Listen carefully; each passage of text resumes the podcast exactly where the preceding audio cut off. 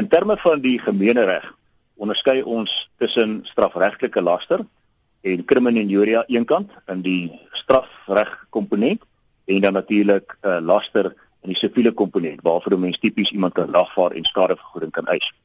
Nou in die strafregtelike kant van sake word uh, kriminalia gewoonlik gedefinieer as 'n opsetlike en onregmatige en ernstige inbreukmaking op 'n persoon se privaatheid uh of dan nou sy eer.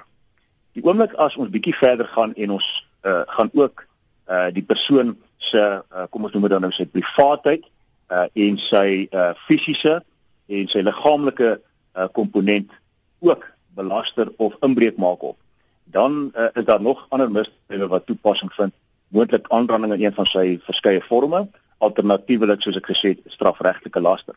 En albei van hierdie word uh, nog erken van die gemeenereg af al as misdade.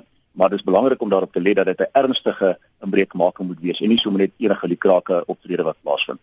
As ons nou kyk na die siviele kant met laster, wat is daar ter sprake?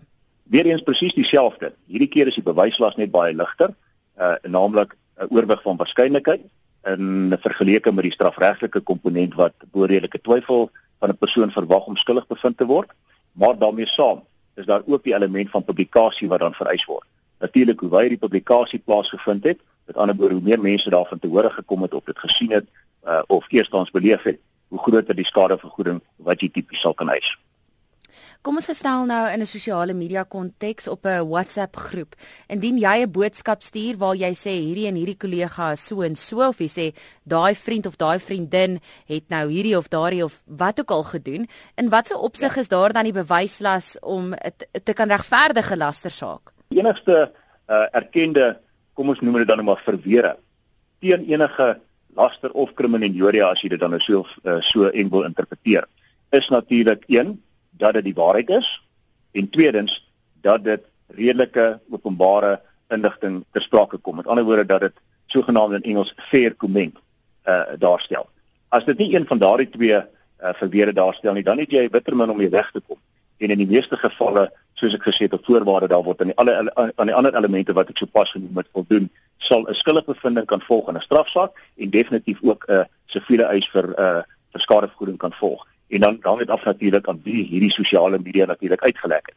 Was dit uh, op sinema YouTube gestuur? Uh was dit net aan 'n uh, uitgeleese groepie uh vriende gestuur wat ook al die geval mag wees. Dit sal bepalend wees van hoe wyd hierdie laste dan uitgekring het en dit sou dien ooreenkomstig ook bepalend wees wat die skadevergoeding is wat 'n hof tipies sal toestaan. Dink jy Suid-Afrika sal ook nou in die toekoms soortgelyke wetgewing kry soos met hierdie saak in Indië? Ja, jy weet onthou die die, die reg is maar stadig in sy uh in sy vordering in die lewe. Uh wat elders in die wêreld gebeur, punt 1 is Suid-Afrika gewoonlik 'n hele klomp jare agter en dan daarmee saam ook natuurlik tegnologie gewys. Uh wat al algemeen bekend staan as tegnologie in elke dag gebruik van die reg miskien nog 10 of 20 jaar om wetgewing daar te speel om dit natuurlik dan uh, aan te spreek. Uh so punt 1 dit gaan baie stadig plaasvind. Punt 2 uh ek uh, ek meen die die die regte vernuwe konstant en elke keer as nuwe tegnologie voor in dag kom dan moet die reg natuurlik aanpas want nuwe misdrywe word gepleeg met nuwe tegnologie en daarvoor moet daar uh, natuurlik nuwe wetgewing in plek gestel word. Dat uh, ek voorsien in die nabye toekoms sal daar konstant al hoe meer wetgewing uh, in, in plek gesit word om tipe misdade en hierdie tipe van kommentaar uh, wat nie beskou word as billike kommentaar nie natuurlik aan te spreek nie.